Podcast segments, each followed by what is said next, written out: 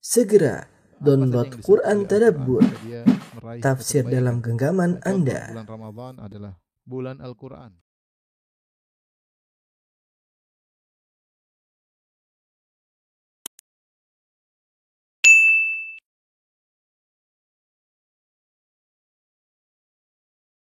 Bismillahirrahmanirrahim. Assalamualaikum warahmatullahi wabarakatuh. Alhamdulillahi ala ihsani wa syukru lahu ala taufiqihi wa amtinani. Wa asyhadu an la ilaha illallah wahdahu la syarika lahu ta'ziman li sya'nih. Wa asyhadu anna Muhammadan abduhu wa rasuluhu da'ila ridwani. Allahumma salli alaihi wa ala alihi wa ashabihi wa ikhwani. Para jamaah, para hadirin dan hadirat yang dirahmati Allah Subhanahu wa taala, pada kesempatan ini kita akan bahas beberapa dosa yang Allah menyegerakan uh, hukumannya di dunia sebelum hukuman di akhirat. Uh, sebelum kita membahas tentang dosa-dosa tersebut, ada beberapa kaidah yang terkait dengan uh, hukuman terhadap dosa ya. Jadi yang perlu mungkin kita ketahui ya. Beberapa kaidah terkait hukuman terhadap dosa. Uh, kaidah yang pertama yang perlu kita ketahui adalah uh, semua dosa semua dosa yaitu dosa apa pun memungkinkan untuk dihukum di dunia sebelum di akhirat. Untuk dihukum di dunia. Ya, dosa, artinya semua dosa, artinya semua dosa potensi untuk memunculkan uh, siksaan di dunia atau hukuman dunia. Se semua dosa tanpa terkecuali. Ya. Uh, oleh karenanya Allah Subhanahu wa taala berfirman, dalilnya banyak ya. Seperti firman Allah Subhanahu wa taala, wa ma asabaka min sayyi'atin fa min nafsik wa ma asabaka min sayyi'atin fa min nafsik. Ya. Apa pun yang keburukan menimpamu maka dari dosamu. Apa pun keburukan apa pun yang menimpamu maka dari dosamu. Maka dari kesalahanmu. Kemudian juga misalnya firman Allah Subhanahu wa taala, "Ma asaba ma asabakum min musibatin fa bima kasabat aydikum." Ma asabakum min musibatin uh, fa bima kasabat aydikum.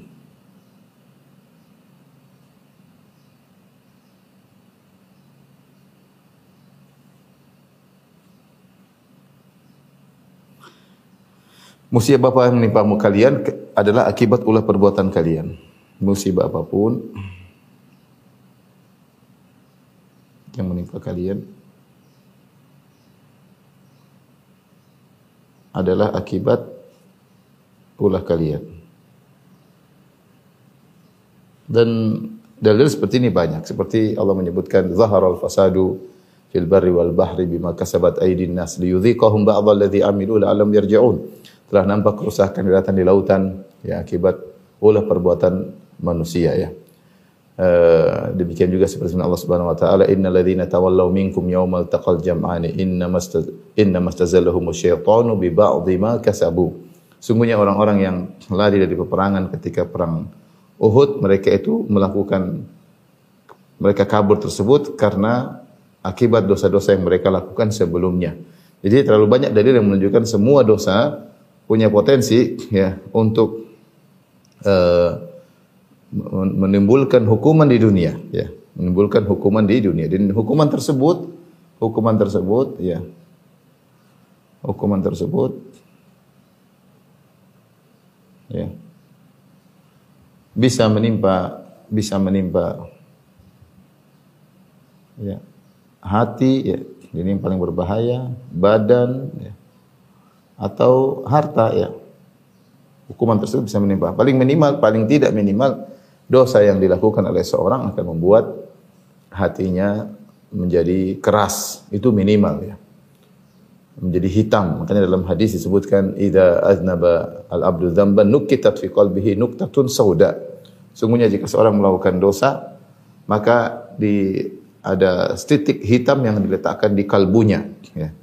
Semakin dia banyak melakukan dosa, maka semakin banyak titik-titik hitam. Oleh karena seorang waspada dari semua dosa. Semua dosa uh, bisa menimbulkan hukuman uh, di dunia. Hanya saja pembahasan kita ini adalah yang paling disegerakan. Makanya dalam hadis disebutkan ma min dzambin ya. Ajdaru ajdaru an yu'ajjilallahu al-uqubah. Tidak ada dosa yang paling pantas untuk disegerakan hukumannya. Ya. Ya, jadi menunjukkan yang lain juga ada kemungkinan dihukum di dunia, tapi ini yang paling pantas disegerakan. Ini yang paling pantas. Jadi saya ulangi eh, kaidah yang pertama bahwasanya semua dosa eh, memungkinkan untuk dihukum di dunia, ya. baik menimpa hati atau badan atau harta. Paling tidak menimpa hati hukuman tersebut membuat kita membuat kita susah untuk khusyuk dalam sholat, membuat kita susah untuk terenyuh, buat kita sombong, buat kita angkum, buat kita ria, itu semua bisa jadi karena dosa-dosa yang kita lakukan. Jadi pasti ada hukumannya di dunia, cepat atau lambat tapi ada hukum. Semuanya berpotensi. Kemudian oleh karenanya kalau kita renungkan tentang HP yang kita miliki ini, betapa banyak titik hitam yang bisa menempel di hati kita gara-gara HP ini. Gara-gara HP, HP ini orang katakan orang katakan smartphone ya. Itu ya, alat yang canggih ya pinter, ya, tapi terkadang buat orang menjadi ya, kepintaran tanpa kesucian percuma.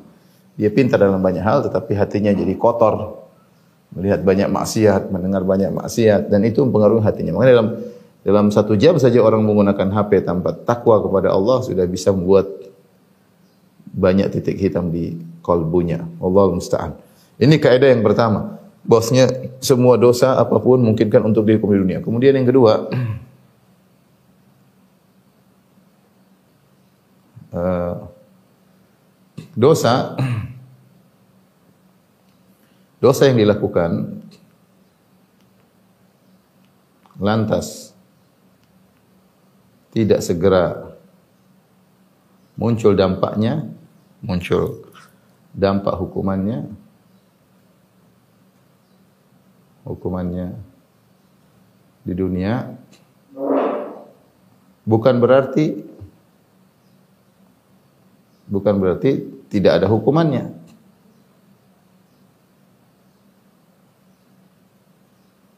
Kenapa? Karena bisa jadi datang walau ba'dahin karena bisa jadi hukumannya ditunda. Hukumannya ditunda. Jadi hukumannya di, ditunda. Ini yang ini yang ini sangat berbahaya ya. Ini berbahaya karena banyak manusia ketika melihat dosa yang dilakukan tidak ada dampaknya, maka dia santai. Ya. Ketika dia melihat dosa dia lakukan, dia lihat ini, dia nonton ini, dia gibah fulan, dia menggolimi orang, dia merendahkan si fulan, dia menipu orang, dia melihat tidak ada tidak ada dampaknya, maka membuat dia semakin berani untuk terus melakukan. Ini sangat berbahaya. Ini menyebabkan banyak orang ya semakin berani bermaksiat.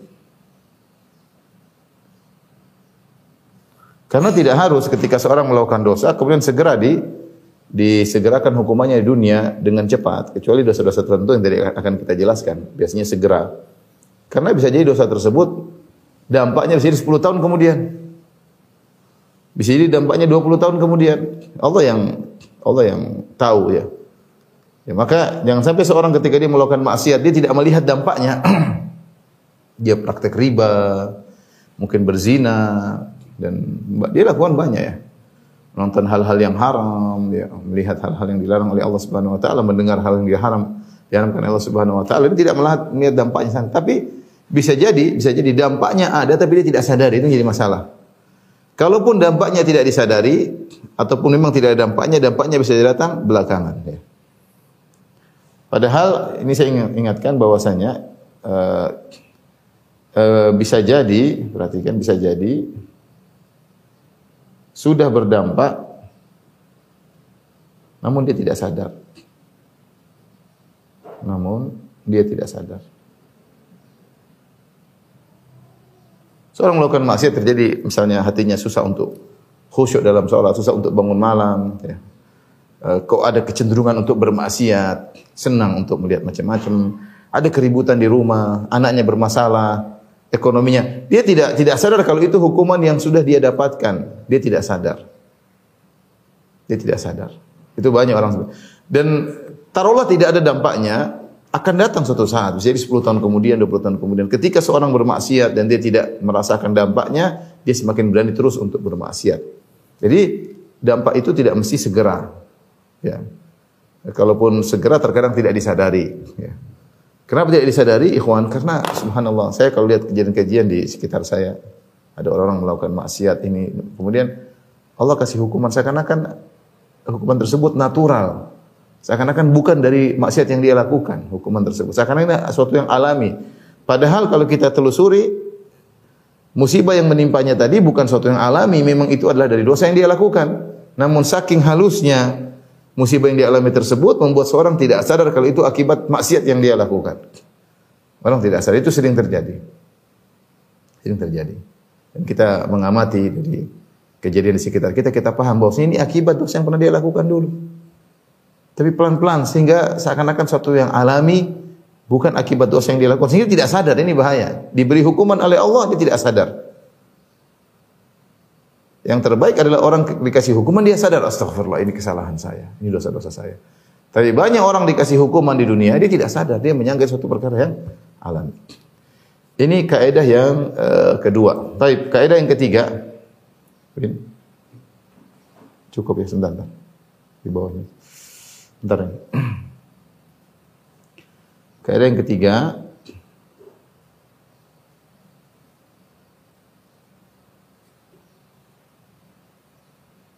bahwasanya uh, dosa uh, bahwasanya dosa hukuman suatu dosa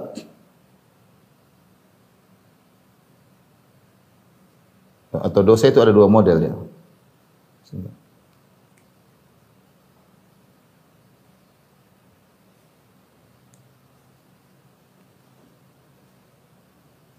Dosa ditinjau dari hukumannya ada dua model. Apa aja itu? Yang pertama adalah dosa yang jika dihukum di dunia maka di akhirat tidak lagi tidak lagi yang kedua adalah dosa dosa yang hukumannya di dunia di akhirat.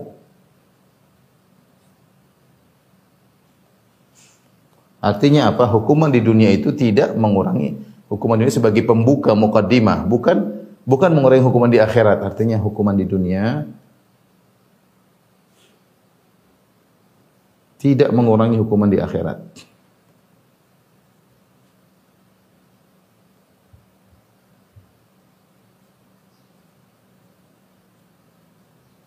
Taib. Adapun dalil yang jenis pertama adalah uh, beberapa hadis di antaranya dalam hadis kata Rasulullah SAW, "Idza arada Allahu bi 'abdihi khairan ajjala lahu al-uqubata fid dunya." Kata Nabi sallallahu alaihi wasallam, "Idza arada Allahu bi 'abdihi khairan ajjala lahu al-uqubata fid dunya."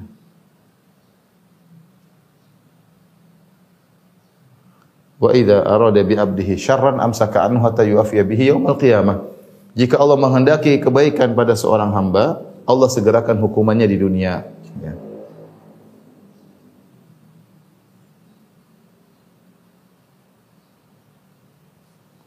Kebaikan bagi seorang hamba, Allah segerakan hukuman.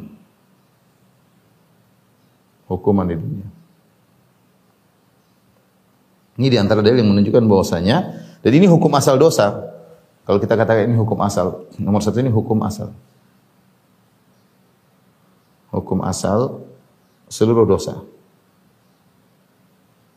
Artinya apa? Kalau Allah sudah cicil hukumannya di dunia, akan mengurangi hukumannya di akhirat. Di antaranya hadis ini.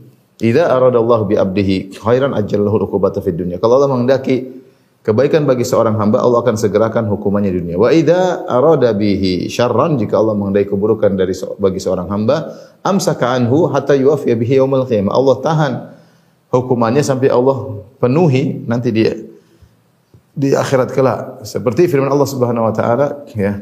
Terkadang Allah uh, jadi Allah tunda uh, apa namanya? Uh, sehingga hukumannya semakin semakin parah. Seperti isyarat dalam firman Allah Subhanahu wa taala uh, wala tahsabanna Allah ghafilan amma ya'malu adh-dhalimun innama yuakhiruhum liyaumin tashkhasu fihi al-absar. Janganlah engkau menyangka bahwasanya Allah lalai dari orang yang berbuat zalim. Allah biarin, bukan berarti Allah tidak tahu, Allah tahu. Kenapa Allah tidak turunkan azab? Allah tunda. Innama yuakhiruhum, sungguhnya Allah menunda siksaan terhadap mereka liyaumin tashkhasu fihi al-absar. Nanti di hari kiamat tatkala mata mereka terbelalak. Jadi Allah tunda sengaja. Dan hukum asal dosa-dosa kalau di, di, di, di hukuman di dunia adalah mengurangi. Seperti Nabi SAW mengatakan, Ma yusibul muslim min wasabin wala nasabin wala hammin wala hazanin wala adan hatta syauka yushakuha illa kafarallahu bihi khotayahu. Tidak adalah seorang hamba ditimpa dengan musibah baik sakit, keletihan, ya, uh, kesedihan, gundah gulana, kegelisahan, gangguan dari orang lain sampai duri yang menusuknya kecuali akan menebus dosa-dosanya pada hari kiamat ya, sebagai penggugur dosa-dosa. Maka dalam hadis disebutkan seorang senantiasa dikasih musibah ya sampai dia berjalan bertemu Allah tanpa ada walaisa alaihi khati'ah, tidak punya dosa sama sekali. Kena musibah, musibah, musibah. Musibah itu dampak dosa yang dia lakukan. Musibah, musibah berturut-turut sampai akhirnya dia ketemu Allah tanpa ada dosa sama sekali. Ini hukum asal dosa. Kalau dikasih hukuman dunia berarti dia penggugur, akan mengurangi hukuman di akhirat. Bahkan terkait dengan masalah hudud. Terkait dengan masalah orang yang melakukan zina ditegakkan hukum had yang mencuri. Saya bacakan hadis dalam Sahih Bukhari dari Ubadah bin Samit radhiyallahu taala anhu uh, bahwasanya Rasulullah SAW bersabda, "Bai'uni ala alla tusyriku billahi syai'an wa la tasriqu wa la taznu wa la taqtulu auladakum wa la ta'tu bi buhtanin yaftaftarunahu baina aydikum wa arjulikum wa la ta'su fi ma'ruf." Bayatlah kepadaku wahai para sahabatku kata Nabi wasallam. Bayat untuk apa? Agar tidak kalian yaitu kalian berbaiat bersumpah setia untuk tidak berbuat syirik kepada Allah sama sekali. Kalian tidak mencuri dan kalian tidak berzina dan kalian tidak membunuh anak-anak kalian dan kalian tidak mendatangkan kedustaan yang kalian buat-buat di depan kalian dan di depan kalian wala ta'su ma'ruf dan jangan kalian bermaksiat ya. Fi ma'ruf yaitu kalau diperintah oleh pemimpin maka jangan kalian uh, membangkang ya Kemudian kata Nabi sallallahu alaihi wasallam, "Faman wafa minkum fa ajru 'ala Allah." Siapa yang menjalankan baiat ini, dia tidak melakukan hal-hal yang tadi dilarang, maka pahalanya di sisi Allah Subhanahu wa taala. Wa man asaba min dzalika syai'an. Ini yang kita perhatikan dalam Sahih Bukhari kata Nabi, "Wa man asaba min dzalika syai'an." Barang siapa yang melakukan sebagian yang dilarang tadi, entah dia berzina, entah dia mencuri, fa ukhiba fid dunya, lalu dia dihukum di dunia, fa huwa kafaratun lahu maka itu menjadi kafaroh baginya. Ya. Jadi ini hukum asal dosa. Bahkan kalau orang mencuri kemudian ditangkap dipotong tangannya dia tidak dihukum lagi di akhirat. Kalau orang berzina kemudian dicambuk atau kalau sudah menikah dirajam dia tidak dihukum lagi di di akhirat. Mohon maaf. Jadi kalau dihukum di dunia mencuri potong tangan dihukum di dunia tidak dipotong lagi di akhirat. Ada orang berzina ketahuan dicambuk atau dirajam maka tidak dihukum lagi di akhirat. Karena kata Nabi sallallahu alaihi wasallam Faman wa man asaba min dzalika syai'an siapa yang melakukan dosa-dosa yang tadi kami, saya kami katakan fa uqiba fid dunya lantas dihukum di dunia fa huwa kafaratun lahu maka menjadi kafarah baginya. Ya. Ini dalil. Dan namun ya uh, yang perlu kita perhatikan tidak boleh uh, meskipun kita tahu bahwasanya kalau orang dihukum di dunia lantas dikurangi hukumannya di akhirat, namun bukan berarti dia berminta kepada Allah, ya Allah hukumlah aku di dunia. Jangan. Kalau Allah kasih musibah ya sudah terima. Tapi hendaknya dia minta ampun. Allah ampuni aku ya. Rabbi ghfirli di antara makna Rabbi ghfirli yaitu ya Allah ampunilah dosaku jangan kau berikan dampak dosaku di dunia apalagi di akhirat. Itu makna Rabbi ghfirli. Allah maghfirli. Ya sering saya sampaikan karena al-maghfirah maknanya adalah uh, asalnya adalah dari mikfar. Mikfar adalah helm yang dipakai oleh prajurit dalam peperangan yang fungsinya dua, menutup kepalanya dan mencegah hantaman pedang dari pedang musuh. Kalau kita maknakan dalam masalah dosa, kalau kita berkata Rabbi gufirli atau Allah maghfirli atau gufranaka ya Allah ampunilah aku. Maksudnya ya Allah tutuplah dosa-dosaku jangan kau umbar dosa-dosaku di dunia maupun di akhirat. Yang kedua hindarkanlah aku dari dampak dosa yang aku lakukan. Hindarkanlah aku dari dampak dosa yang aku lakukan. Seharusnya aku dapat dampak di dunia tidak jadi. Kenapa? Karena beristighfar jadi meskipun uh, kita tahu bahwasanya kalau ada musibah yang menimpa kita akan mengurangi hukuman kita di akhirat tapi yang paling utama adalah kita minta ampun dalam satu hadis yang diriwayatkan Imam Muslim saya bacakan dari Anas bin Malik radhiyallahu taala anhu, anna Rasulullah sallallahu ada rajulan minal muslimin. Satu hari Rasulullah sallallahu menyenguk seorang yang sedang sakit dari kaum muslimin. Qad khafat fasara mithlal farkh. Dia sudah sangat kurus seperti anak burung yang baru lahir, kurus kerempeng, tidak punya tenaga, sangat lemah. Lemah sekali ya. Dia sakit tapi kondisinya parah, tidak seperti orang biasa. Orang sakit kadang ya tidak sampai kurus, sampai tidak lemah, ya sakit tapi masih ada energi, masih ada kekuatan. Ini sakitnya parah, sangat lemah, kurus, krempeng sampai tidak punya kekuatan sama sekali. Maka Rasulullah SAW melihat ada keanehan. Maka Rasulullah SAW bertanya, Hal kunta tad'u bi syai'in aw tas'aluhu iyyahu? Apakah kau pernah berdoa minta sesuatu atau kau minta suatu hal kepada Allah Subhanahu wa taala? Rasulullah heran kok sakit sampai kayak begini.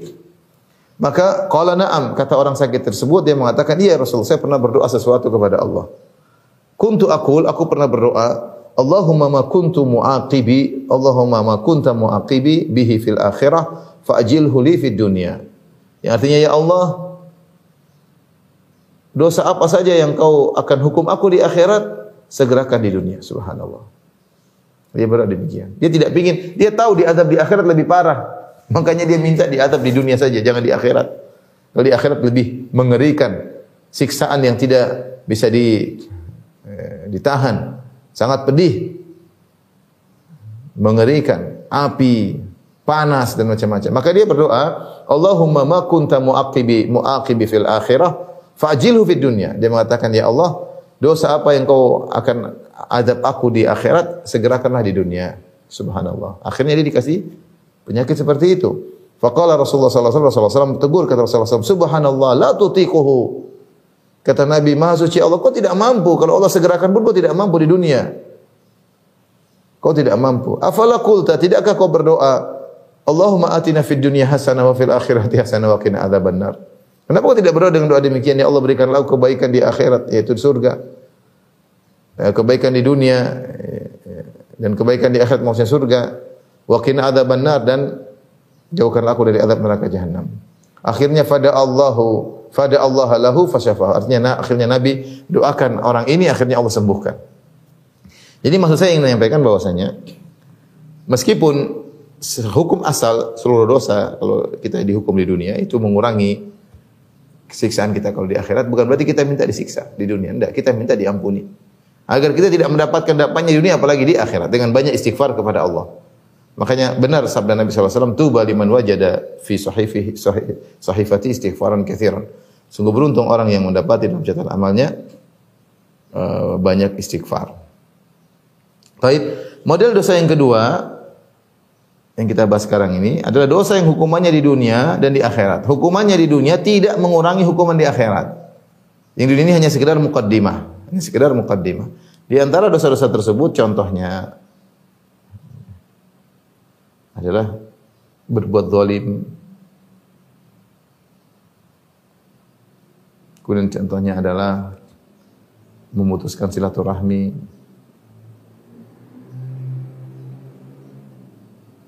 Di antaranya adalah durhaka kepada kedua orang tua,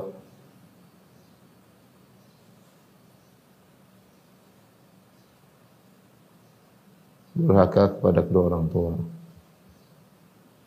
ortu ya. Ini di antaranya. Nanti ada al-kidhib wal khiyana di antaranya berkhianat, dusta dan khianat.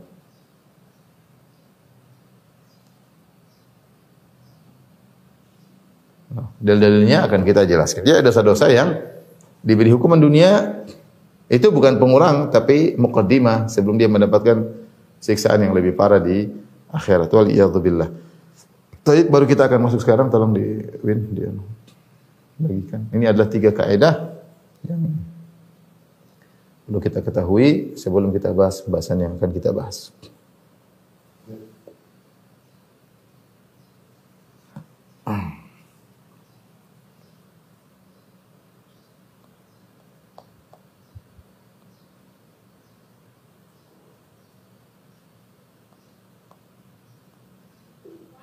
Taib. Ikhwan dan akhwat yang dirahmati Allah Subhanahu wa taala, eh, beberapa dosa yang sudah kita singgung tadi yang Allah sangat menyegerakan hukumannya eh, di dunia ya. Dosa-dosa yang disegerakan hukumannya di dunia.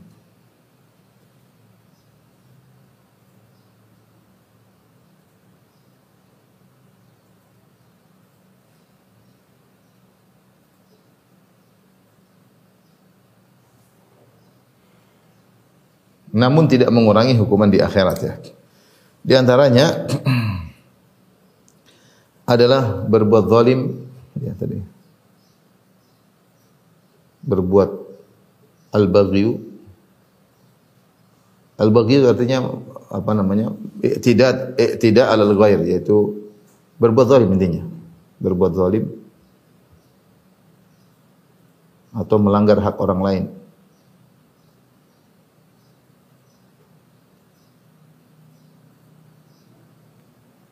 Yang kedua di antaranya atau rahim. Memutuskan silaturahmi.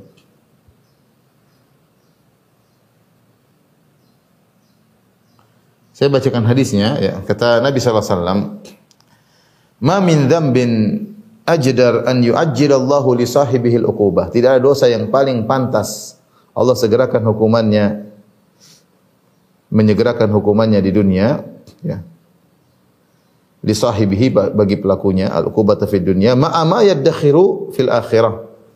Disertai dengan siksaan yang Allah simpan untuk di akhirat. Mithl bagi wa qati'atir rahim. Ya seperti berbuat zalim dan memutuskan silaturahmi. Ini bahaya dua dosa ini. Ini paling cepat Allah beri hukuman kepada orang yang melakukan al-baghyu dan qati'atir rahim di dunia dan itu tidak mengurangi siksaannya di akhirat. Ini sekedar mukaddimah dan akan disampaikan siksaan yang lebih lebih parah. Maka seorang berhati-hati di dunia ini jangan sampai meninggal dunia dalam kondisi berbuat zalim sama orang lain. Jika dia berbuat zalim sama orang lain, segera dia minta maaf. Karena kezaliman tersebut dia bisa merasakan dampaknya di dunia sebelum di akhirat. Ya, dampaknya di dunia sebelum di di akhirat. Dan banyak kenyataan kita lihat, kezaliman ini macam-macam. Kezaliman berkaitan dengan harta orang, kezaliman berkaitan kezaliman berkaitan dengan darah orang lain, kezaliman berkaitan dengan harga diri orang lain. Kata Nabi sallallahu alaihi wasallam, "Inna amwa innama innama amwalukum ya, ya apa namanya? wa aradukum ya wa ya, wa dima'ukum inna dima'akum wa amwalakum wa aradakum haramun alaikum ka hurmati yaumikum hadha fi baladikum hadha fi syahrikum hadha Nabi ketika haji wada Nabi SAW berkata, ketahuilah bahwasanya harta kalian haram, eh, darah kalian haram dan harga diri kalian haram, tidak boleh dilanggar. Sebagaimana kehormatan tanah Mekah, sebagaimana kehormatan bulan haram dan sebagaimana kehormatan hari ini. Maka inilah kezaliman terkait terkadang dengan darah, terkadang terkait dengan harta, terkait dengan harga diri orang lain. Mungkin kalau orang soleh biasanya dia tidak berbuat zalim dari sisi mukul orang. Dia nggak mukul orang. Dia tahu itu tidak boleh. Bahaya ya. Semua akan dihisap oleh Allah Subhanahu wa. Hatta latmah sampai tamparan pun akan ada hisapnya pada hari kiamat kelak. Tapi ini zalim. Dan biasanya Rasulullah sebutkan paling pantas untuk disegerakan di dunia adalah perbuatan zalim. Belum tentu Allah segerakan ya. Ya, tetapi paling pantas untuk disegerakan perbuatan zalim ter, terkait dengan tubuh atau harta seorang mengambil harta orang lain ya. Eh, paling cepat Allah beri hukuman di dunia. Demikian juga dan banyak orang orang bertakwa biasanya tidak tidak mengambil harta orang, tidak memukul orang, tapi terkadang orang yang soleh menjatuhkan orang dari sisi harga dirinya. Ini yang sering terjadi. Menggibah orang lain menuduh yang tidak-tidak ya. Sehingga Allah Subhanahu wa taala memberi hukuman yang segera. Saya pernah ketemu dengan seorang kalau zalim subhanallah banyak orang apa namanya berbuat zalim kemudian disegerakan hukumannya di dunia. Ada orang kawan uh, dia apa namanya pengurus masjid dia cerita intinya maknanya ketika dia orang tuanya meninggal atau kakeknya meninggal maka harta diambil oleh om-omnya yang paling yang tua sementara bapaknya tidak diberi bagian kecuali sedikit. Tapi bapaknya bilang kalian sabar ya.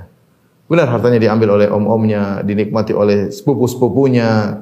Tapi sebenarnya 8 tahun kemudian mulailah seluruhnya berguguran. Ini sakit, ada yang celaka, ada yang semuanya, semuanya kena. Allah tidak segerakan tapi Allah tunggu 8 tahun. Ini yang saya bilang tadi bahaya. 8 tahun, 10 tahun. Terkadang seorang berbuat zalim, kemudian Allah tegur dia, Allah hukum dia di di dunia dan dia tidak merasa itu sebagai dampak dari dosa yang dia lakukan. Karena dosa yang dia lakukan lama 8 tahun yang lalu, 10 tahun yang lalu. Kemudian ketika Allah memberi hukuman tersebut sangat natural, pelan-pelan. Pelan-pelan. Seakan-akan celaka-celakaan biasa, seakan-akan sakit parah biasa. Tetapi subhanallah satu persatu dari mereka mulai terkena dan mulai binasa. Eh, kawan saya tersebut cerita. Dia merasa itu akibat dari perbuatan mereka ya. Karena berbuat zalim makan harta orang makan harta orang lain ya. Sementara mereka yang mengalami tidak merasa karena saking naturalnya saking saking pelannya, lembutnya, pelan-pelan tidak dirasakan ya. Sehingga mereka kemudian dihukum tanpa mereka sadar. Ini contoh. Contoh yang saya lihat juga dengan mata kepala saya sendiri, artinya dahulu ada sebagian orang, sebagian dai yang yang yang, yang suka apa namanya menjatuhkan harga diri saudaranya tanpa hak dengan kedustaan, dituduh yang tidak-tidak, mencemarkan nama baiknya, membuat pengajiannya bubar, buyar tanpa ada hak. Setelah berjalan bertahun-tahun, mungkin 10 tahun, 20 tahun. Apa yang dia berikan kepada orang, dia juga mengalami. Dia juga mengalami hal tersebut. Dia ditinggalkan oleh murid-muridnya, dijelek-jelekan, dijatuhkan harga dirinya. Dan dia tidak sadar. Dia menyangka itu hal yang biasa. Dia tidak minta maaf kepada teman-teman yang pernah dia zolimi. Tidak, santai aja. Santai aja. Apa yang dia lakukan pada saudaranya 10-20 tahun lalu, dia alami sekarang. Dia alami sekarang. Saya mengamati, saya lihat ini dampak. Menurut saya itu dampak yang dulu. Dan itu terjadi, bukan cuma dia saja, banyak orang. Yang menjelek-jelekan gurunya, dia dijelek-jelekan oleh muridnya. Itu terjadi. Ya. Cepat atau lambat. Kalau dia sadar alhamdulillah, kalau dia enggak sadar itu zalim berkaitan dengan harga diri orang lain. Zalim berkaitan harga diri orang, orang lain. Orang sekarang arogan ketika memiliki kekuatan, memiliki backingan, dia melakukan apa yang dilakukan. Kalau Allah tidak balas di dunia, akhirat jadi masalah besar. Akhirat jadi masalah, masalah besar. Kecuali dia bertobat kepada Allah Subhanahu wa taala. Jadi perbuatan zalim ini hati-hati, ikhwan. Jangan kita lakukan. Makanya kata Imam Syafi'i rahimahullah taala, bi'sa zad ala ila al-ma'ad al-udwanu ala al-ibad. Ya, bi'sa zad ila al-ma'ad al-udwanu ala al-ibad. Seburuk-buruk bekal untuk menuju hari kebangkitan adalah berbuat zalim kepada orang lain. Berbuat zalim pada orang lain. Kesimpulan ilmu seluruhnya yang kita pelajari adalah jangan berbuat zalim sama orang lain. Makanya ketika ada seorang menulis surat kepada Ibnu Umar. Anuktub ilayya al-ilma kullahu. Kata dia, wahai Ibnu Umar, tuliskanlah kepadaku seluruh ilmu. Yang kau ketahui. Tentu banyak. Kata Ibnu Umar, al-ilmu kathir. Ilmu itu banyak. Tapi kesimpulannya, ini stata'ata antal. Kalau kau mampu untuk bertemu dengan Allah, bertemu Allah subhanahu wa ta'ala. Ya. Khafifal dhahr, khamisal batan, kafal lisan. Kalau kau mampu untuk bertemu dengan Allah dalam kondisi khafifudz dhahr itu punggungmu ringan, kau tidak menanggung hak-hak orang lain. Ya. Khamis salbatan dalam kondisi perutmu kosong yaitu kau tidak makan dari harta orang lain, itu kau tidak zalimi orang. Kau tidak meninggung menanggung hak orang lain, kau tidak zalimi orang. Kafal lisan, kau tahan lisanmu, kau tidak zalimi orang. Ini semuanya tidak zalim. Jadi Ibnu mengatakan intinya kau mati jangan zalim. Kalau ingin selamat. Ini kesimpulan ilmu. Percuma orang belajar ilmu tapi dia zalim kepada orang terdekatnya, zalim kepada anaknya, zalim kepada istrinya, zalim kepada suaminya, zalim kepada tetangganya, percuma.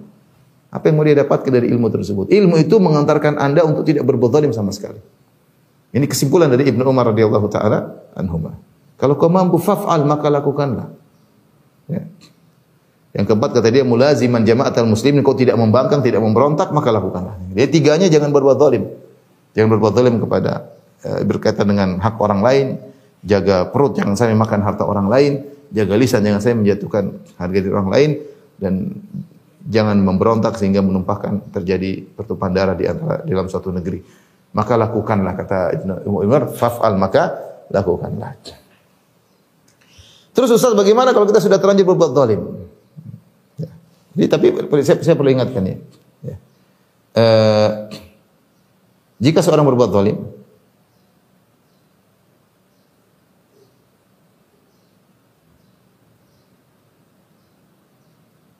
ya, maka segera bertobat. Dua kemungkinan.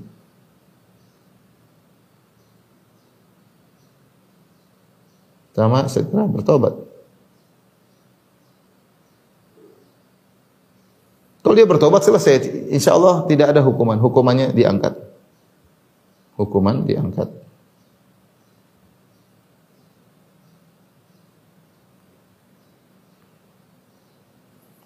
Bagaimana ya, caranya dia segera minta maaf kepada orang yang dia zalimi sebelum dia meninggal dunia atau sebelum orang yang dia zalimi meninggal dunia. Hati-hati. Kata Nabi SAW, Man kanat lahu madlamatun li akhihi min irdin aw syai'in falyatahallalhu minhu al-yawm falyatahallalhu minhu al-yawm qabla la yakuna dinar dirham. Siapa yang punya kezaliman, melakukan zalim kepada orang lain saudaranya, apakah terkait dengan harga diri, dia jelek-jelekan, dia rendahkan, dia tuduh yang tidak-tidak, atau kezaliman apa pun, maka mintalah untuk dihalalkan sekarang. Jangan sombong dengan arogan dengan kekuatanmu, dengan bekunganmu, kau juga akan mati. Ya mentang-mentang punya jabatan, mentang-mentang punya jumlah yang banyak, mentang-mentang punya kekuatan, jangan sombong ya. Kalau kau punya zalim kezaliman sama orang, mintalah dihalalkan sekarang sebelum telat datang hari di mana tidak bermanfaat dinar dan dirham. Maka segera kalau kita punya kezaliman segera kita minta maaf sama orang tersebut. Sebelum kita yang meninggal dulu atau dia yang meninggal dulu. Ada orang santai-santai aja, dia sudah jelek-jelekin orang, nuduh orang tidak tidak santai aja. Akhirnya orang yang dia jelek-jelekan meninggal. Sudah, setelah itu mau diapain? Ya apain?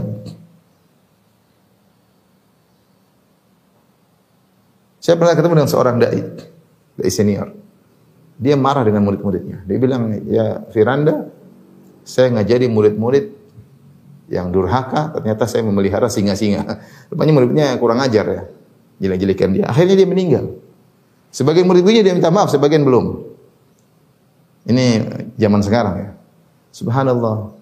Apa yang menghalangimu kesombongan untuk minta maaf sama orang yang pernah kau zalimi? Hati-hati. Bisa jadi dia meninggal terlebih dahulu atau kau meninggal terlebih dahulu. Jangan remehkan kezaliman, apalagi kezaliman berkaitan harga diri. Itu lebih berat daripada hartamu diambil. Harga diri seorang dijatuhkan lebih berat, masih masih mending hartanya diambil daripada harga dirinya dijatuhkan segera bertobat, hukuman akan diangkat. Dengan cara minta maaf tentunya itu, dengan minta maaf minta dihalalkan. Taib, jika tidak bertobat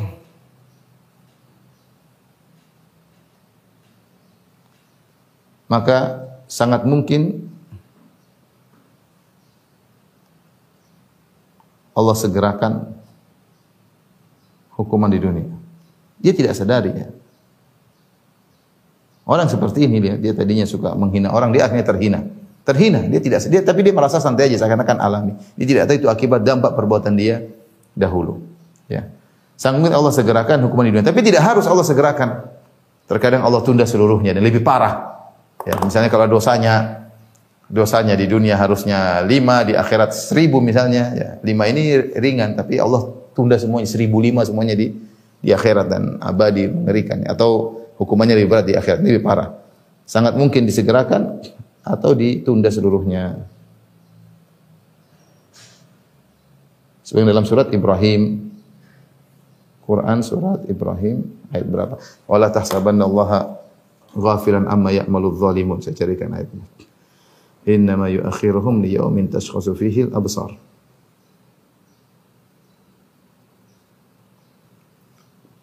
Uh, ayat 42.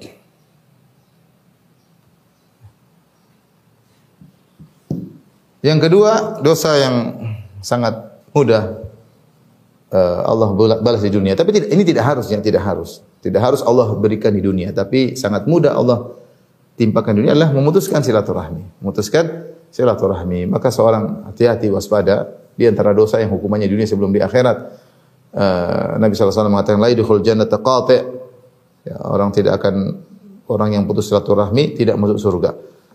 Demikian juga ketika seorang melewati sirat, maka akan ada rahim ya dan amanah menunggu, rahim dan amanah menunggu di sirat. Kalau ada orang yang amanah dalam kehidupannya dan dia suka menyambung silaturahim, maka dia semakin dipermudah, dipermudah untuk melewati sirat. Tapi kalau dia bermasalah di dunia, dia bermasalah dengan kakaknya, bermasalah dengan adiknya, bermasalah dengan orang tuanya, ribut dengan tantenya, ribut dengan ponakannya, masalah silaturahmi bahaya. Jengkel-jengkelan, bombe, diem-dieman sama kakaknya sendiri, diem-dieman sama adiknya sendiri dia akan repot ketika disirat. Rahim akan menahan dia. Kenapa kau dulu tidak menyambungku? Kenapa kau dulu memutuskan aku? Urusannya berat. Urusannya berat. Ya. Ini di antara, eh, intinya seorang waspada, kita sudah bahas secara khusus tentang masalah memutuskan silaturahmi, silakan dilihat kembali di kajian-kajian di YouTube tentang dahsyatnya silaturahmi dan bahayanya memutuskan silaturahmi ya. ya. Di antara yang lebih parah lagi adalah yang lebih spesifik durhaka kepada kedua orang tua.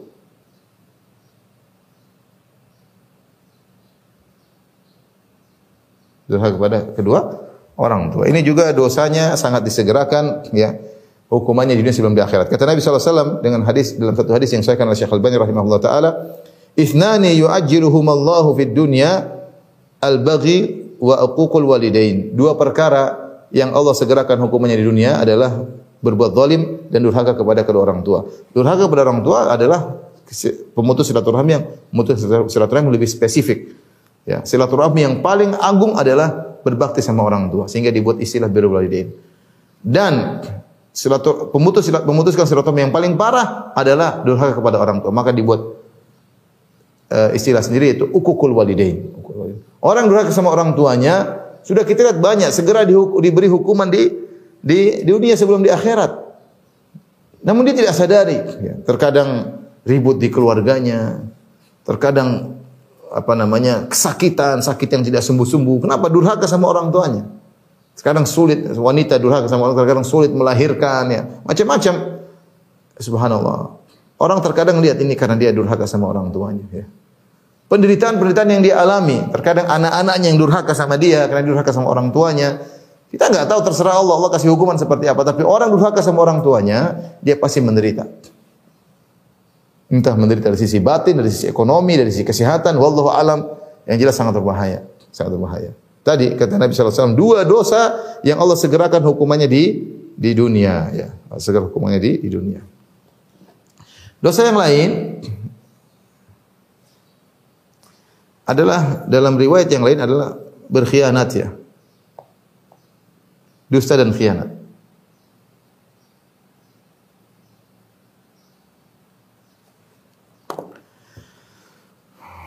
Dalam hadis kata Rasulullah SAW sama seperti hadis sebelumnya tapi ada tambahan, "Ma min dzambin ajdaru an Allah ta'ala li sahibil uqubata fid dunya, ma ma yaddakhiruhu lahu fil akhirati min qati'atir rahim wal khiyana wal kadhib." Wa inna a'jala ta'ah thawaban la silatul rahim hatta inna ahlal baiti la yakunu fajaratan fatanmu amwaluhum wa yakthuru adaduhum idza tawasalu. Hadis ini hadis dari Abu Bakrah radhiyallahu taala anhu dan disahihkan oleh Syekh Albani. Saya bacakan maknanya. Tidak ada dosa yang paling cepat Allah segerakan hukumannya bagi pelakunya di dunia disertai dengan dos dengan hukuman yang Allah tunda nanti di akhirat kelak. Seperti dosa memutuskan silaturahmi, khianat dan dusta. Khianat dan dusta.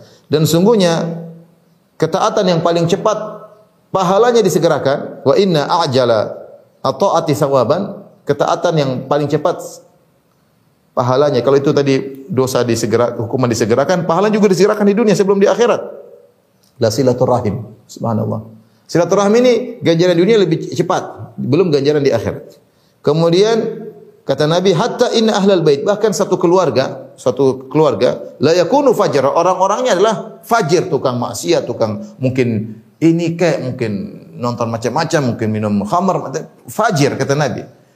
Ada keluarga yang fajir, fatanmu amwalum tapi harta mereka bertambah dan jumlah mereka semakin banyak ketika mereka menyambung silaturahmi ketika mereka menyambung silaturahmi. Allah berikan ganjaran duniawi di silaturahmi, urusan dia maksiat, urusan nanti di akhirat. Tapi ketika silaturahmi meskipun dia pelaku maksiat, ternyata Allah tambah hartanya dan Allah tambah jumlah mereka, anaknya banyak dan yang lainnya. Nah, di antara yang segera diberi hukuman di dunia adalah dusta dan khianat. Ini juga ngeri ya. Dia dusta, dia bohong, mungkin dia senang-senang di awal, banyak orang dia tipu, tapi akan segera datang hukumannya. Dia buat perjanjian, ternyata dia berkhianat. Main belakang berkhianat, tidak sesuai dengan yang disepakati. Benar, dia untung, ekonomi untung, secara kedudukan mungkin dia untung, tapi akan datang hukumannya cepat atau atau lambat, bahkan disegerakan. Hati-hati seorang berdusta, kelihatannya dia untung banyak, kelihatannya dia menang, kelihatan. Tapi jangan, jangan kau senang, sebentar aja kesenangan, sebentar lagi akan datang musibah menimpamu. Kau akan dirundung, diliputi dengan kesedihan, dengan kekhawatiran, dengan gonda gulana. Allah cabut kebahagiaanmu dan banyak. Kenapa? Suka dusta dan khianat. Dan kau akan dikhianati juga bisa jadi.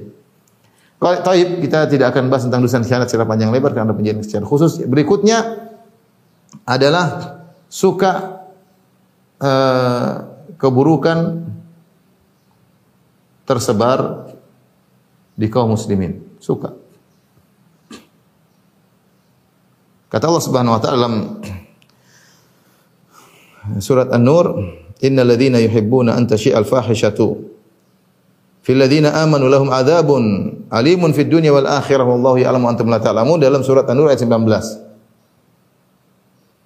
24 ayat 19. Kata Allah Subhanahu wa taala, "Innal ladzina yuhibbuna an tashi'al fahisha." Sungguhnya orang-orang yang suka perbuatan keji tersebar fil ladzina amanu, tersebar di kalangan kaum muslimin. Suka kalau wanita buka aurat, tabarruj, suka kalau tempat uh, prostitusi tersebar di mana-mana, suka kalau film porno tersebar di mana-mana, suka kalau film Hollywood dinonton oleh banyak orang, suka kalau film Korea semua orang nonton, dia suka, dia suka, senang. Senang kehidupan seperti glamor seperti senang. Lahum adzabun fid dunya wal akhirah. Bagi mereka azab di dunia dan akhirat. Di dunia Allah kasih azab sebelum di akhirat. Azab macam-macam. Penderitaan, kegelisahan, kesengsaraan. Dia senang kalau tersebar seperti itu. Dia tidak suka kalau Eh, semuanya ikut syariat, dia, nggak suka. Orang seperti ini akan mendapatkan baru dia suka suka saja dia sudah mendapatkan seperti itu apalagi dia yang ikut meramaikan dia yang memfasilitasi semua itu akan dapat azab di dunia sebelum di di akhirat akan ada akan dapat azab di dunia sebelum di di akhirat maka waspada di antaranya adalah dosa yang disegerakan hukumannya juga adalah tatabbu yaitu apa namanya tajassus mencari-cari kesalahan orang lain ya.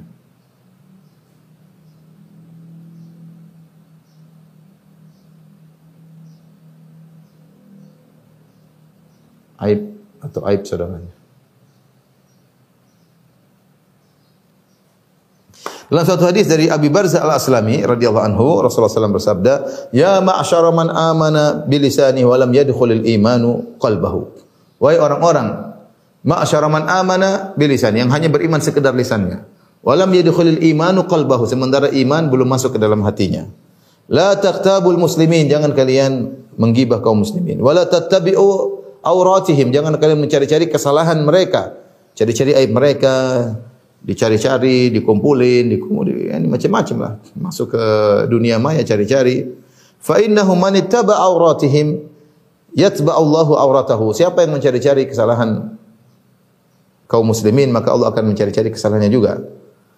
Ya, wa man yattabi wa man yattabi'illahu auratahu yafdahu fi baitihi. Siapa yang Allah cari kesalahannya maka Allah akan bongkar aibnya meskipun di rumah.